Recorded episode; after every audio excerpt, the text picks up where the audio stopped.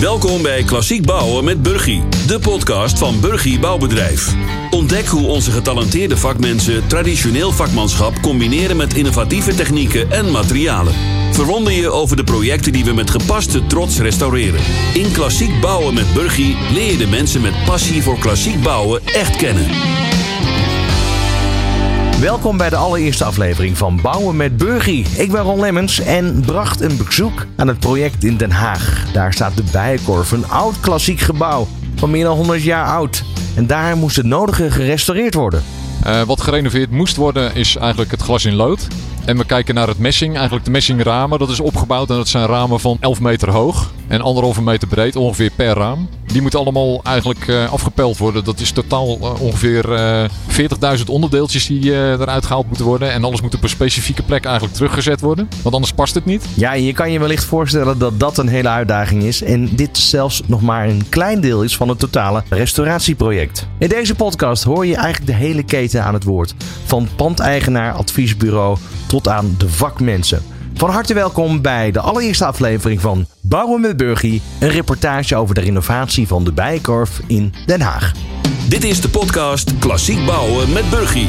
Bij me staat uh, Jos Koren, uitvoerder namens Burgie. Dankjewel Jos dat Ja. ik uh, hier mag komen vandaag. Ja, leuk dat je er ook bent. Ik uh, ga een soort spoedcursus uh, tegemoet, heb ik het idee. Want ik ga niet alleen met jou praten. Ik ga ook praten met de mensen die nog meer betrokken zijn bij dit project. Zeker, ja. Um, eerst even over het project. Wat kan je daarover vertellen? Nou ja, we zijn met een uh, restauratie begonnen van de bijenkorf. Waarbij we de, de messingramen zeg maar allemaal gaan demonteren. Ja, want het gebouw is meer dan 100 jaar oud. Zeker, ja. Ja, zeker uh, 100 jaar oud en is uh, Art Deco-stijl zeg maar. Waar ook de ramen ook op die, die manier gebouwd zijn. Uh, wat gerenoveerd moest worden is eigenlijk het glas in lood. Omdat dat opnieuw verlood moet worden. Waarbij dus het, het lood eigenlijk slecht geworden is. En we kijken naar het messing, eigenlijk de messingramen. Dat is opgebouwd en dat zijn ramen van, van 11 meter hoog en anderhalve meter breed ongeveer per raam. Daar hebben we er uh, 12 van gemaakt. Die moeten allemaal eigenlijk uh, afgepeld worden. Dat is totaal uh, ongeveer 40.000 onderdeeltjes die eruit gehaald moeten worden. En alles moet op een specifieke plek eigenlijk teruggezet worden. Want anders past het niet. En tussen die ramen kijken we eigenlijk naar keramiek tegeltjes. Die allemaal ook een, een, een specifieke kleur en patroon hebben. Die eigenlijk ook allemaal nagemaakt moeten worden als ze kapot zijn. Waardoor uh, eigenlijk alles weer in uh, oude staat teruggebracht kan worden. Nou, vertaal ik het een beetje als leek. Glas en rood, de ramen eigenlijk. Klopt, en daarbij, ja. als je dan toch gaat uh, renoveren, dan maar meteen ook kijken naar hoe je het gebouw kan verduurzamen. eh, wat betreft isolatie ook, hè? Zeker, ja, ja. Dat was ook een wens van de opdrachtgever. Uh, Jos, je gaat ons uh, meenemen vandaag op reis uh, in het project van de Bijkorf, renovatie van dit hele pand. Nog even een, een, vraag, met hoeveel mensen hebben jullie dit uitgevoerd, deze eerste fase? Uh, we hebben ongeveer met 20 man zo'n beetje dit uitgevoerd. Vaklui, mensen achter ja, de ja, schermen eigenlijk. eigenlijk. We gaan zo meteen eh, praten met de architect, uiteindelijk de opdrachtgever, uh, dat is dan de pandbeheerder en, uh, en vakmensen. Ja, nee, dat klopt, ja, zeker. En ik spreek je straks weer. Oké. Okay. In deze Klassiek Bouwen met Burgie nemen we je mee in de reis rondom klassieke bouw- en renovatieprojecten. Ferry Nitsen, uh, je werkt bij bureau Polderman en jij bent gespecialiseerd in restauratie. Adviezen. Juist. Ja, dat klopt. Ik heb een, uh, een vraagje aan je, want we gaan het hebben over de historie van dit uh, mooie pand, de Bijkorf. Ja. Als jij nu naar zo'n pand kijkt en je hebt nu de keuze waar we het gesprek uh, moeten gaan voeren, kies je dan om hier in dit mooie houten trappenhuis te blijven staan of moeten we toch naar buiten? Um, dan zou ik toch het liefst buiten beginnen, denk ik. Ja, we gaan ja, nu de tijdmachine instappen. Terug naar het begin van het gebouw. Spannend. Ja, ik heb zo vermoeden dat ik uh, gedurende deze podcast, dus tijdens de opname, heel vaak op en neer ga lopen uh, in dit pand. Uh, want we staan nu buiten. op jouw wens, jouw verzoek. over welk jaartal praten we eigenlijk? Wat betreft de bouw van dit pand. dit gebouw is gemaakt in 1926. Wat, wat, is er bekend over de bouwstijl destijds? Het is de, de Amsterdamse school. Dit was een beetje ook wel de tijd van het uh, nieuwe bouwen. Wat wel heel erg leuk is, is aan, aan het, ja, het verhaal van de Bijenkorf eigenlijk. Dat de Bijenkorf is opgericht in nou, ongeveer 19, uh, 1900. En daar is het eerste gebouw in Amsterdam. Ontstaan. Er is nog een heel lang verhaal achter, maar dat is ook een klein beetje... beetje eh, Het poppenhuis, hè, zou je het kunnen noemen. Ja, dat is de Ja. link die vaak ligt. Ja, het was ook het eh, eerste warenhuis in, eh, in Nederland. En dat liep zo goed dat ze besloten om ja, rond 1920 een nieuw gebouw te gaan maken in Den Haag. En zo is dit eigenlijk een beetje ontstaan. Ze hebben toen een prijsvraag uitgereikt. Er werden vier architecten gevraagd, benoemd door een commissie. En werden er vier ontwerpen gemaakt. Daar kwam een ontwerp uit van de architect Staal. Dat was eigenlijk het ontwerp waar de commissie voor koos. Maar eh, dat is het uiteindelijk niet geworden. Eh, en uiteindelijk heeft eh, Piet Kramer heeft los daarvan ook nog een ontwerp gemaakt. Dat ingediend. En nou, daar staan we nu eigenlijk voor. Ja, een ontzettend opvallend iconisch gebouw. Dat woord iconisch, dat gaan we ook vaker deze podcast horen. Ja, ja. Nu even terug naar anno 2021. Zo'n oud pand. Ehm, we hebben een periode gehad, en dat weet jij natuurlijk als, als expert eigenlijk ook wel. Eh, voorheen wilden we alles vernieuwen. Eh, en ja, renoveren was niet zo belangrijk. En een aantal decennia geleden is dat er weer een beetje tot ommekeer gekomen. Ja, ja. Ja, dit pand. Als je dan de kans hebt om het aan te pakken en te renoveren, waar kijk jij dan naar? Oeh. Nou ja, in ieder geval eh, eh, eh, moet ik zeggen dat mijn generatie natuurlijk heel erg van de verduurzaming is. Dus het energiezuiniger maken van, van panden. Nou, met name de nieuwbouw stroom je dan in en kijk je hoe het gaat. En rol je eigenlijk langzaam via een bepaalde weg, toevallig hier in de monumenten. En dan sta je wel voor een enorme uitdaging. Ehm, dat zie je bij dit pand. Ondertussen zijn er wel een hoop subsidies die er beschikbaar voor zijn. Maar dan moet je nog steeds met een goede technische oplossing komen. Als we nu kijken naar wat er bijvoorbeeld bij dit pand is, dan, dan was dat ook wel echt een uitdaging. Omdat het gebouw altijd ja, is ontworpen als een soort huid voor alles wat er binnen stond. En in die tijd ja, liepen er vooral mensen met eh, hoge hoeden en dikke jassen binnen. En was het eigenlijk, ja, maakte het niet heel erg veel uit of dat het nou wat warmer of kouder Het binnen was. straalde toen al decadentie uit. Ja, het straalde wel decadentie, maar het was puur de huid van het gebouw. De, de rol die, die jullie eigenlijk vervullen. Ja. Waar moeten we die plaatsen in de keten? Oeh, nou, we zijn ehm, bij de opdrachtgever gekomen. Er lagen al een aantal rapporten. En eh, er was eigenlijk niet heel duidelijk hoe, ja, hoe het nu aangepakt moest gaan worden. Dus er, er moest iets gaan gebeuren aan de, de messingramen. Er, zat gewoon een, eh, er zaten flinke lekkages in. Eh, dat was gewoon duidelijk dat dat technisch niet in orde was. De vraag was, hoe ga je dat aanpakken? En daar hebben we eigenlijk een plan van aanpak voor geschreven. En een ja, projectmanagement traject gestart voor de opdrachtgever om stapsgewijs aan te geven hoe, dat, ja, hoe het proces zou moeten gaan lopen naar ons idee. Ehm, hoe kijk je naar de samenwerking met Burgie? Erg goed. er staat iemand naast me met een geweer op mijn hoofd. Nee hoor, dat is een grapje. Nee, nee, we staan naar elkaar te lachen. Ehm, Moet ook kunnen, toch? ja, zeker, zeker. Nee, heel erg, eh, heel erg goed. Het is heel erg leuk om te zien. En dat ja, moet ik ook wel zeggen, niet alleen met Burger, maar ook met alle andere partijen. Is het, is het wel echt een intensief project. Eh, er moeten elke keer weer nieuwe dingen uitgevonden worden, omdat er toch zoveel details in het gebouw zitten. We hebben natuurlijk een opname gedaan, maar toen zat alles er nog op. En eh, elke keer dat we weer een laagje van het gebouw afhalen, dan eh, eh, komen we weer iets nieuws tegen. Ja, en dat vraagt weer om, om een nieuwe eh, aanpak. Eh, eh, moeten er weer nieuwe, nieuwe partijen bij Ja, komen wat, dat op wat, te lossen? wat, wat benoem je dan? Heb je het dan over bijvoorbeeld eventueel asbest of onverwachte materialen? Waar doel je dan op? Nee, we hebben bijvoorbeeld eh, eh, de keramische steentjes die, eh, die ertussen zitten. Ehm, en daar kwamen we achter dat ze toch wat meer los zaten dan we dachten. We zagen wel dat er een aantal scheuren in zaten. Maar we, hadden, ja, we, we konden in die tijd niet goed zien ja, wat daar de oorzaak van was. En we hadden het vermoeden, ook door de proefrestauratie, dat het met name door de verankering van de vensters kwam. Maar dit bleek toch dat, eh, dat de kolommen in het midden, dat, dat de beton daar zo'n lage dekking heeft dat het is gaan, eh, gaan rotten. Dus dan moet je er vervolgens weer een partij met beton bij hebben. Eh, degene die het keramiek moet herstellen, moet ook nog eventjes een extra beentje erbij zetten. Dus ja, dat is best wel een intensief eh, traject. En dan heb je natuurlijk weer die planning die dan om de hoek komt kijken. Dus je voelt ook, er moet een nieuwe oplossing verzorgd worden. Van ja, hoe gaan we dit dan doen? Hoe willen jullie dit dan hebben als eh, eh, directie? En dan moeten wij eigenlijk de volgende dag met een oplossing komen. Anders lopen we alweer achter op de bouwplanning. Ja, dus we continu ook schakelen natuurlijk met de Het is enorm schakelen, ja, Ja, zeker. en, ja. en verwachtingsmanagement uitvoeren. dat, dat je niet een teleurgestelde opdrachtgever aan het einde van de rit hebt. Ja, zeker. Ja, ja. We gaan naar de opdrachtgever. In deze Klassiek Bouwen met Burgie nemen we je mee in de reis rondom klassieke bouw- en renovatieprojecten. Ja, en die opdrachtgever is Henny van Woerkom van CBRE Investment Management. De verhuurder eigenlijk van de meeste bijkorfpanden in Nederland. Henny, ja, ehm, ik zei het net al, een enorm iconisch pand. Maar als je goed gaat kijken, dan weet je ook, die panden zijn gewoon echt monumenten oud. Moet een heleboel aan gebeuren. Hoe is het om eigenlijk met dit soort panden te werken? Nou, het is echt heel bijzonder en eh, interessant om met dit soort iconische panden te werken. Dan breng je echt iets, dan voeg je echt iets toe aan de stad om die in stand te houden. En ja, dat is echt iets wat, eh, wat bij ons hoort om eh, mooie plekken te maken in de stad.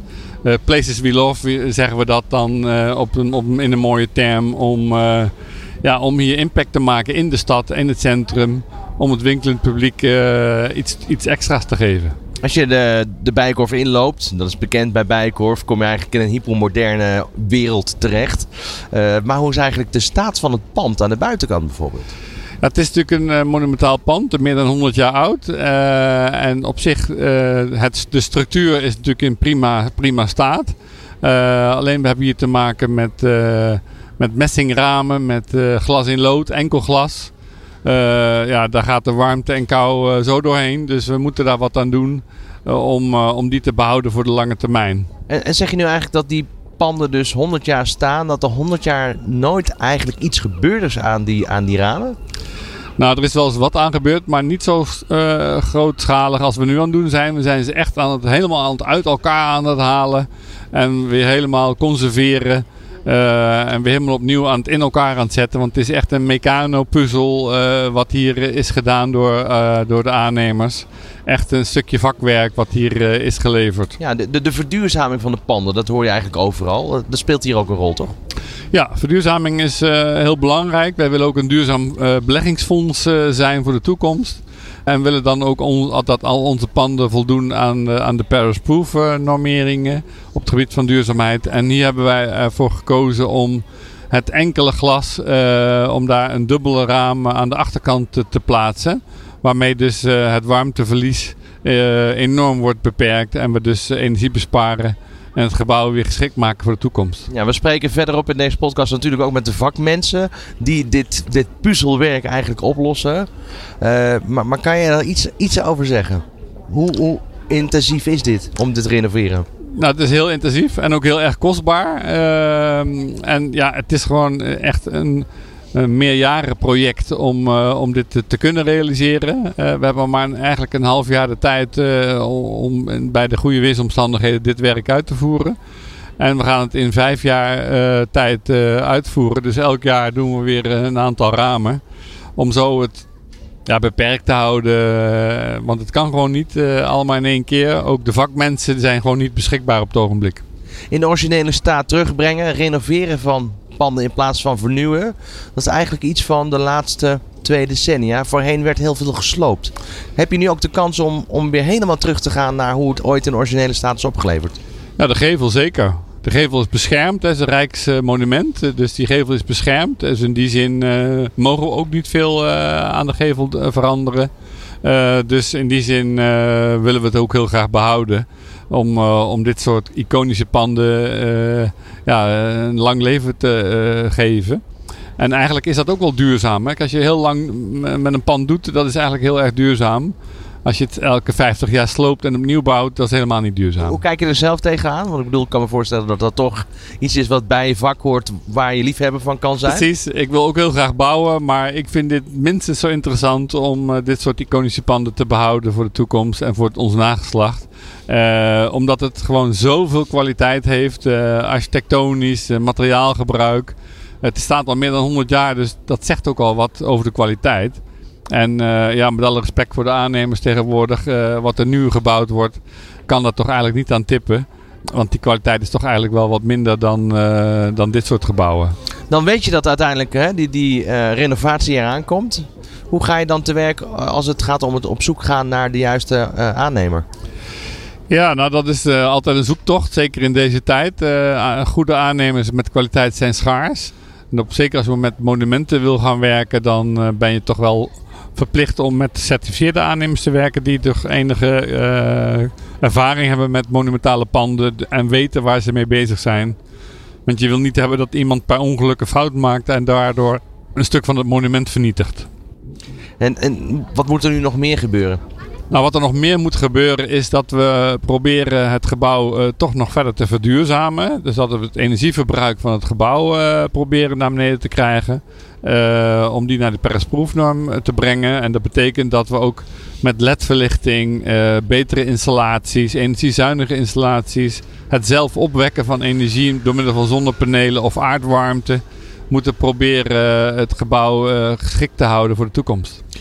Je werkt samen met Burgie uh, bij dit renovatieproject. Hoe bevalt de samenwerking? Samenwerking bevalt heel goed. Burgie is een professionele aannemer die dit soort werk uh, heel goed kan uitvoeren. Dus ja, we zijn heel blij dat we met Burgie dit werk uh, mogen uitvoeren. Ja. Dankjewel Henny. Graag gedaan. Verhalen over traditioneel vakmanschap met innovatieve technieken en materialen hoor je in de podcast Klassiek bouwen met Burgie. We blijven nog even aan de buitenkant van het pand staan. Want ja, ehm, als je zo omhoog kijkt en zeker als leek gaan steeds meer dingen opvallen. Nu gaan we ook echt kijken naar wat er nou uh, gerenoveerd moest worden aan dit pand.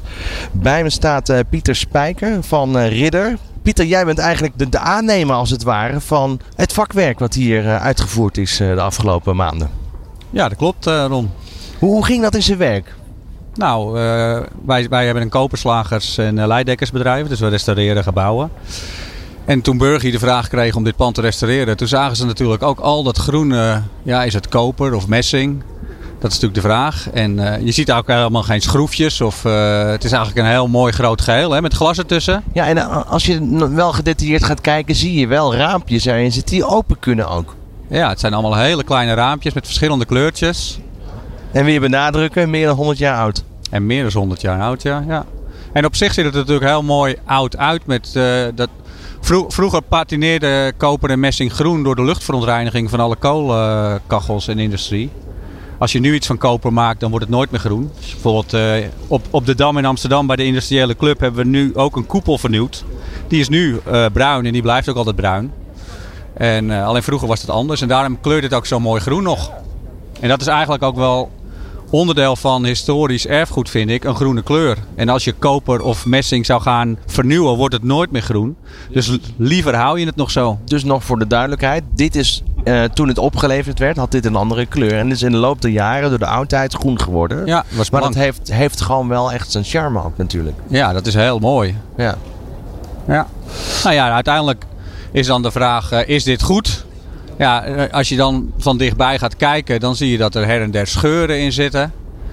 Alleen het is moeilijk om te beoordelen hoe je dit nou in en uit elkaar moet halen. Dus uiteindelijk hebben we toen voorgesteld om bij een klein deel een stijger erbij te zetten. En het uit elkaar te gaan pellen om te kijken hoe het zit. Dus je begint eigenlijk eerst met uh, toch het, traject uh, van tevoren met een proef.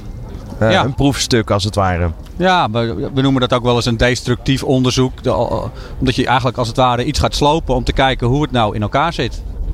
Nou ja, dat kan ik natuurlijk niet zelf, maar daar heb ik Dirk uh, Huze voor. Ja. Dirk Ja. die werkt al 20 jaar bij ons. Dat is, uh, die is van origine Duitser. En die komt uh, uit Berlijn, denk ik, hè Dirk? Ja. En Dirk is ook nog meester. Dus die, is, die heeft een meisterausbeelding gedaan in koperslagerij. En nou, Dirk heb ik gevraagd om hier eens naar te gaan kijken. We gaan met Dirk zo meteen ook in het pand kijken. Uh, maar toch nog even terug naar, naar op het moment dat je zo'n opdracht krijgt. Um, waar let je op en welke richtlijnen? Waar heb je je aan te houden? Want dit is een monumentaal pand. Maar ik kan me ook voorstellen dat aan de binnenkant, op het moment dat je zo'n, zoiets gaat restaureren, de opdracht is ook nog eens een keer verduurzamen. Zorgen dat de warmte in het pand blijft, enzovoort, enzovoort. Ja. Hoe, hoe ga je te werk?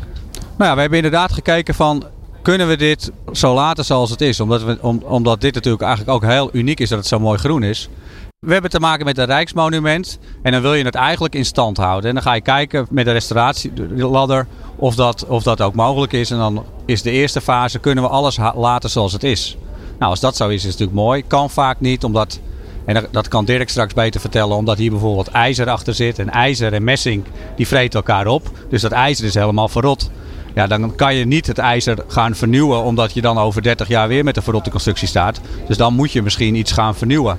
Nou, en, en dan daal je een stapje op de restauratieladder. Wat voor mij dan als, uh, als, als directeur nog lastig is, hoe neem je zo'n opdracht aan en hoe ga je dat risico aanvaarden?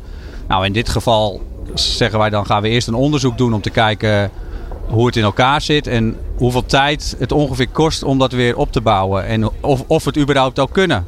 En als we het kunnen, hoeveel tijd het kost en dan hoeveel geld dat gaat kosten. En dan kun je ook een veel betere inschatting gaan maken voor hoeveel het totale project kost. Dus je moet eigenlijk eerst wat investeren. Jij hebt het net over risico's. En met andere woorden, je hebt kans dat iets niet meer te herstellen is. Dat is het risico wat je benoemt? Ja, of het risico kan bijvoorbeeld ook zijn dat je inschat dat zoiets 1000 uur kost. Hè. Neem 20 raampjes en dan 20 keer 50 uur. Maar stel je voor dat het zo tegen zit dat die mannen er in plaats van 50, 100 uur over uh, doen. Dan gaan er 2000 uur extra in. Ja, dan uh, praat je natuurlijk over 100.000 euro extra. Dus dat zijn de risico's. Je moet uiteindelijk inschatten hoeveel tijd iets kost om iets te maken. Dit project is nu uh, voor, voor een deel klaar en uh, gaat naar een volgende fase. Uh, hebben jullie nu stijgers tegen het pand aangezet? Of hoe, hoe is dit eigenlijk gerenoveerd? Had het, had het winkelend publiek er last van? Nou ja, dat zie je natuurlijk wel veel in winkelstraten. Dat, dat steeds, steeds mooier wordt, die stijgers. Er is inderdaad wel een stijger omheen gegaan. Maar die wordt helemaal omkleed met hout. Zodat er niks naar beneden kan vallen. Zodat je niemand ziet. Dan komt er nog een mooi doek overheen met een foto van het gebouw. Zodat het ook eigenlijk net is alsof het gebouw er nog staat. Dus uh, zo gaat dat. En dat moet dan tussen, tussen geloof ik, Pasen en de kerstinkopen in. Moeten we dit gebouw dan restaureren. Ja, dan staan we nu bij de vakman Dirk Huze. Uh, Dirk, we zijn nu de winkel ingelopen. En expres eigenlijk naar een deel gelopen waar alles nog moet gebeuren. Zodat je ons duidelijk kan aanwijzen van wat mankeert eigenlijk aan de oude situatie. Nou, uh, ik denk dat iedereen dat wel ziet. Uh, kozijnen die loslaten. Je, je, ziet heel veel, maar wat, wat zie je als vakman? Nou, ik zie als vakman heel veel uh, roest, heel veel condensvorming, waardoor die verf afbladert, het staal aangetast wordt en uh, zeker het hout rot is wat daar zit. Het heeft te maken omdat uh, het gebouw zeg maar, te, ver, te veel warmte heeft, waardoor zeg maar, te veel condenswater ontstaat bij de klassenlood. Waardoor natuurlijk nou ja, door het water het hout en het staal aangetast wordt. Je hebt de meesteropleiding gedaan. Uh, hoe oud is dat eigenlijk al, dit vak? Dit vak bestaat meer dan 150 jaar. Ik denk nog veel langer. Want uh, deze koperslager die je ooit gemaakt hebt, die, is, uh, nou ja, die, is, die komt oorspronkelijk ook uit Berlijn. Dat is gewoon leuk om te weten. En die heeft het uh, 120 jaar geleden gemaakt. Is, is de techniek veranderd in de loop der jaren? Of, of heb je juist heel veel respect voor hoe het toen ging? Oh, ik heb er heel veel respect voor hoe het toen ging, want hun hebben alles met de hand gemaakt. En wij hebben natuurlijk veel meer mogelijkheden tegenwoordig. Maar wat er ook gebeurd is, wij zijn al die technieken die hun toegepast hebben, die zijn wij vergeten of passen ze helemaal niet meer toe. Waardoor je toch ja, tegen die meesters van toen aankijkt. Want, kan je een voorbeeld noemen van die technieken? Waar, Nou, waar je kan je het dan aan over? de binnenzijde eigenlijk niet zien. Je ziet het meer aan de buitenzijde. Daar zitten 4 mm schroefjes in en 4 schroefjes van messing. Ja, ten eerste is het heel moeilijk aan deze schroeven te komen om deze te kopen. En ten tweede is het allemaal met een schroef, schroeftooi daar gewoon ingedraaid. En wij zouden tegenwoordig een akkutooi pakken. Jouw collega Pieter had het ook over de, de verandering van kleur. Als je metaal met messing, eh, als dat met elkaar eh, in aanraking komt, dan, eh, dan Ja, krijg je een soort van chemische reactie. Je krijgt inderdaad een chemische reactie. Dat noem je ehm, nou ja, de spanning, die stroom die ontstaat tussen het messing en het staal.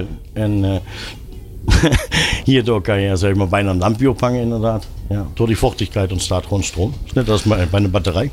Toen jullie deze opdracht aannamen, hebben jullie eerst een, een deel geprobeerd om te kijken van ja, wat, wat levert het op, hoeveel uur kost zoiets? Ja, we hebben inderdaad zes eh, raampjes. Je kijkt in zo'n raampje aan, daar zitten zes uh, glassen loodruitjes in. Eén raampje. En daar hebben we zes raampjes van gesloopt. Om te kunnen kijken hoe kunnen we dat demonteren. Hoe zit het in elkaar? Want eh, er is geen documentatie meer van. Heb je daar nog wel naar gezocht, naar die documentatie? Ja, die is niet te vinden. Nee. We hebben wel naar gezocht inderdaad. Ik ben heel veel tegengekomen waardoor ook de kopersmid die het ooit maar uitgevoerd heeft. Maar niet eh, details technisch. Nee, moet alles Die, in. die kopersmid was dus een, eh, iemand uit Berlijn. Ja. precies. Volgens mij moeten we nu eh, naar een plek waar je eh, het werk hebt uitgevoerd. Om, om te kijken hoe je daar te werk gegaan bent. Nou, dat kunnen we graag doen. Nou, inmiddels eh, zijn we in het trappenhuis. Je hoort het ook wel aan de akoestiek. Er gebeurt nog veel meer hier overigens. Je ziet ook wel dat dit pand ja, natuurlijk continu in beweging is. En er continu onderhoud nodig is. Zoals een hele rij oude tegels die eraf is. Ehm, Dirk, nou hier staan we eigenlijk voor een, een deel wat, wat klaar is, toch? Ja, inderdaad. We staan hier voor een deel wat inderdaad klaar is. Um, wij hebben hier, hier zie zeker die staalrestauratie wat helemaal verrot was. Helemaal overal die stalen constructie herbouwd. En je ziet door Beury die houten latjes waar die voorzetbeglazing gemaakt is met tubeglas. Dus op zich, uh, het resultaat ziet er schitterend Heb je nu veel aan de buitenkant van het gebouw gewerkt of uiteindelijk ook aan de binnenkant? Hoe, hoe werkt dat? Onze meeste werkzaamheden zijn uh, eerst aan de binnenzijde geweest om eigenlijk die buitenzijde zeg maar, los te krijgen. Ja, dus, dus die hele buitenzijde is gewoon helemaal los geweest? Die is helemaal los geweest. Als we nu kijken naar zo'n pui als dit, een meter breed, een meter of vijf hoog... Ja, dat zitten circa 150 schroefjes. Hoeveel? 150 schroefjes. Ik zeg maar, het raam waar we nu voor staan, het bestaat uit circa 200 onderdelen. en alleen één onderdeel past alleen aan deze positie. Dat is het mooie. We praten nu over 46.000 onderdelen die we vervangen hebben. 46.000 onderdelen? Ja, en dat ene onderdeel past toch alleen aan, aan deze positie. Ja, als we, uh, kan je iets uitdrukken in tijdsduur? Hoe lang ben je hier nu mee bezig met één zo'n zo'n raam als dit? Voor die twee ramen die we nu gemaakt hebben en die bovenste verdieping waren maar 5500 uur bezig. Als het niet meer was. Wat, wat, kan je nu vertellen over het, over het glas- en loodwerk? Want hier zie je dus de lasnaden zitten. Maar ja, ik ben geen expert, dus ik hoor graag van jou wat er precies allemaal gebeurd is. Nou, dat glas en lood dat is demonteerd door een glas en lood atelier. Die hebben het glas en lood uh, demonteerd. En hebben het weer aan onze messingconstructie, dus dat poi, weer bevestigd met kit. Ja. Uh, er zijn nog meer plekken waar je nog meer kan laten zien. Ja, we kunnen naar de vierde toe. Dat is de bloemkozijn en het adelsnest, zoals wij dat noemen. We zijn een verdieping hoger. Dirk, waar zijn we nu? Want ik, ik zie hier natuurlijk het magazijn, maar uh, daar zijn we hier niet voor. Alle artikelen, maar we zijn hier wel voor uh, ja, het, het, oude glas- en loodwerk. Wat hier nog gewoon. Is dit de originele staat? Dit is allemaal in de originele staat. En uh, dat is alleen helemaal demonteerd en helemaal weer op herbouwd. Mag ik even in dit deurtje kijken? Ik zie een heel klein deurtje hier. Wat mij betreft wel. Oh, kijk. Dit is het logo van, van de Bijenkorf, wat eigenlijk uithangt over de straat. Dat klopt, ja. Die is ook helemaal gerestaureerd, uh, helemaal elkaar gehaald. Het staal geconserveerd en uh, weer opgebouwd. Wauw, dit is echt uh, heel bijzonder. als ik dit losdraai, dan, dan lig ik op straat. Als je dat losdraait en het raam openmaakt, dan kan je zo 20 meter naar beneden kijken. Ja, Oké, okay, doen we het deurtje weer dicht. Uh, dan gaan we het nu maar hebben over de ramen hier, want uh, dit is ook wel heel bijzonder. Glas en lood. Wat, wat is hier iets aan gedaan überhaupt? Uh, wij hebben het messing 100% demonteerd. Er is alleen het staal overgebleven. Deze hebben we hersteld, restaureerd en nou ja, door Beuris dan die conserveringswerkzaamheden aan het staal gedaan. En dan hebben wij die ramen, die messingramen weer teruggebouwd en in de oude staat teruggebracht. Nu was het heel belangrijk ook dat het uh, pand duurzamer zou worden. Uh, luchtdicht, uh, weinig koud van buiten naar binnen. Hoe zit dat hier? Nou, hier is het niet gebeurd omdat het magazijn is. Die wensen ze dan niet om hier, denk ik, dat te doen. En de verwarming staat ook op standje 1. 1? Ja. het voelt heel warm hier. Het is warm hier binnen. Ja, het is een oud gebouw. Hè. Die warme stijgt naar boven. We staan in de bovenste verdieping. Dat heb ik thuis ook. Ja, en, en, en, dit is dan nu uh, af eigenlijk? Het is voor ons inderdaad af, ja. We hebben uh, hier en daar nog wat nieuwe toepassing toegebracht. Uh, ontbrekende dingen nieuw gemaakt en hebben het nou, zo opgeleverd. Even over, over het vakwerk. Hoe lang doe je dit al? Ja, sinds ik 16 ben denk ik. heb ik mijn opleiding begonnen. Dan ben ik een paar jaartjes door Duitsland gereisd. En dan ben ik op een gegeven moment bij Pieter Spijker terechtgekomen. Bij dat is een mooi bedrijf. En dan ben ik blijven hangen. Dus ja, zo. Zodoende ben ik nu al 20 jaar bij Ridder. En, en uh, wat voor gebouwen doe je nog meer? Nou ja, het uh, meest bekende is denk ik de Urbanuskerk. Want die was de laatste keer nog in de krant omdat het uh, schip afgebrand is. En wij de hele toren hersteld en alleen het hele schip. Alleen nou wordt die herbouwd, maar die toren staat daar nog. Dus het is nog schitterend om te zien, ons loodwerk. Ja, en de andere gebouwen? Ja, het Rijksmuseum hebben wij gerestaureerd. Alle Daar zit heel veel glas en lood. Ja, alleen wij hebben niks met het glas en lood gemaakt, maar wel die ornamenten die op het dak staan, die hele laaien hebben wij gerestaureerd, helemaal eraf gehaald, nieuw gemaakt. En uh, die binnenkant die is helemaal van zink. Maar waar het eigenlijk op neerkomt, vaak iconische uh, aparte gebouwen waar je werkzaam bent. Hele oude gebouwen, inderdaad, restauraties, dat, uh, dat maakt het meest. Ja.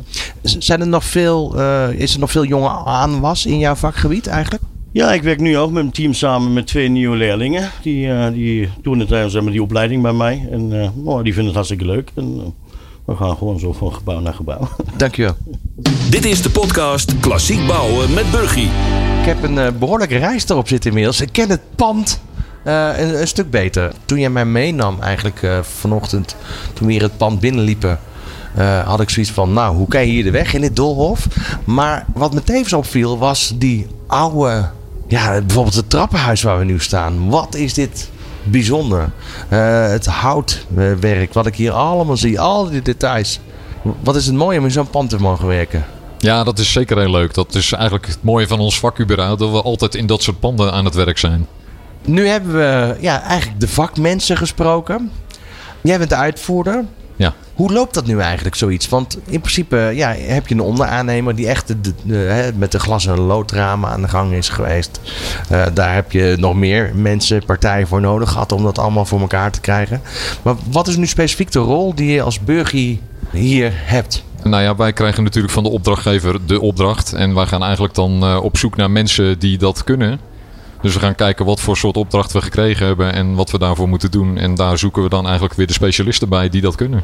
Wat hebben jullie zelf uh, bijvoorbeeld gedaan? Sta je hier zelf ook op het moment, hè, want het project ligt nu even stil, althans de fase is afgerond en uh, over een aantal maanden gaat de volgende fase weer in. Ja. Wat doe je hier zelf als uitvoerder? Ben je ook echt, uh, echt aan het werk? Soms help ik mee. Als ik tijd heb, dan, dan, dan probeer ik mee te timmeren. dat gebeurt vaak niet, moet ik eerlijk zeggen. Maar ja, wat ik eigenlijk het meeste doe is van tevoren eigenlijk ja, zo'n pand gaan bekijken en wat er voor nodig is om de klus te klaren. Dus inderdaad uh, te zorgen dat er een stijger komt en dat die stijger veilig is en dat die goed beschermd is tegen mensen die erin zouden kunnen klimmen omdat we midden in de stad zitten bijvoorbeeld. En dat we daar een, een reclamedoek ophangen en ja, dat we gewoon veilig kunnen werken. Ja, en nu hebben we het vooral gehad over het glas en lood. We hebben met de architect gesproken over de oorsprong van het pand, de oudheid van het pand. Burgie heeft natuurlijk wel nog uh, daadwerkelijk meegewerkt aan het restaureren van het pand. Ja, Wat ja. hebben jullie gedaan? Het houtwerk bijvoorbeeld? Nou, wij hebben vooral uh, gezorgd dat uh, de staalconstructie zeg maar, achter die ramen dat dat geconserveerd wordt. We hebben nog voor de verduurzaming eigenlijk achterzetbeglazing daarin gemaakt. En uh, aan de buitenzijde zit er achter het messing zit er ook nog hier en daar wat houtwerk. Wat ook nog soms hersteld moest worden. Dus het moest gedemonteerd worden en uh, ook uh, geconserveerd worden. En dan weer eigenlijk teruggezet worden. Je zei net al, jullie zijn gemiddeld met 20 mensen aan dit project bezig geweest. Je hebt een tweede Jos meegenomen. Ja, zeker. Ja, mijn collega. Ja. nou, Jos van Vliet. Ja, Jos is leerling. Ja, een hele goeie. Een hele goeie. Waar, waarom? Wat, wat maakt hem zo goed? Uh, wat ik wel heel goed uh, aan hem vind, en uh, een andere leerling trouwens die veel met mij samenwerkt ook, die zijn samen echt een heel goed team. En wat ik, wat ik aan hem of aan hun eigenlijk goed vind, is dat ze goed kunnen overleggen met elkaar en het op de juiste manier eigenlijk de dingen aanpakken. En bij Jos is vooral ook, hij denkt goed na over voordat hij ergens aan begint. Nou Jos, leuk je te leren kennen, leuk dat je er bent. Ja, goeiedag. Um, jij bent dus leerling. Klopt. En je hebt gekozen voor een bedrijf wat gespecialiseerd is in klassiek bouwen. Ja. Was dat een bewuste keuze voor jou? Ja, een hele bewuste keuze eigenlijk. Ik heb eerst eigenlijk in de metaal gewerkt vroeger. En toen kwam ik erachter dat dat eigenlijk te weinig met mijn handen werken vond. En ik toch wel uh, ja, veel filmpjes keek van timmeren en zo. En dat me dat wel, toch wel interesseerde. En, maar niet, uh, ja, niet de nieuwbouw, omdat veel betonwerk is en zo. Want dat is een neef van mij die werkt daarin. Dus dat, ja, wist ik al gauw dat ik dat niet wou doen, zeg maar. En toen kwam ik al gauw door uh, vrienden die hier ook werkten, dat ik uh, ja, bij Burgie terecht eigenlijk. Dus ik heb gesolliciteerd en ja, eigenlijk kon gelijk beginnen zowat. We staan nu in een heel oud trappenhuis. En als je naar de details kijkt, dan zie je een trappenleuning. Ja, is niet recht toe, recht aan. Dat is helemaal met hout bewerkt. Um, details waar ik zelf nooit op gelet heb in het verleden. Nu, doordat we eigenlijk deze podcast maken, begint het op te vallen. Um, hoe, kijk jij daarnaar? Nou, ik in het begin keek daar inderdaad ook helemaal niet naar. Of niet zo specifiek naar. Maar nu, in dit, nu ik in dit werk zit, dan, ja, dan let je daar wel veel meer op. En dan zie je ook eigenlijk hoe mooi het allemaal is. En met wat voor zwart kunst het is om, uh, hoe ze dat gemaakt hebben. Wat, wat, wat is jouw ultieme doel uh, zeg maar, in dit vakgebied? Wat, wat zou je graag willen? Uh, ja, toch uh, gewoon echt zelf mijn oplossing kunnen vinden. En ja, maar altijd blijven verbeteren, zeg maar. Ik denk dat je nooit uitgeleerd bent en ja, je leert blijft leren, en zeker in eh, restauratie. Dus, eh, en misschien wel ook misschien tot uitvoerder of eh, ja, dat soort dingen misschien te doen. Het is een, eh, een groot tekort aan, aan personeel in de bouwindustrie. Vind je dat vreemd? Hoe, ki- hoe kijk je daar zelf naar?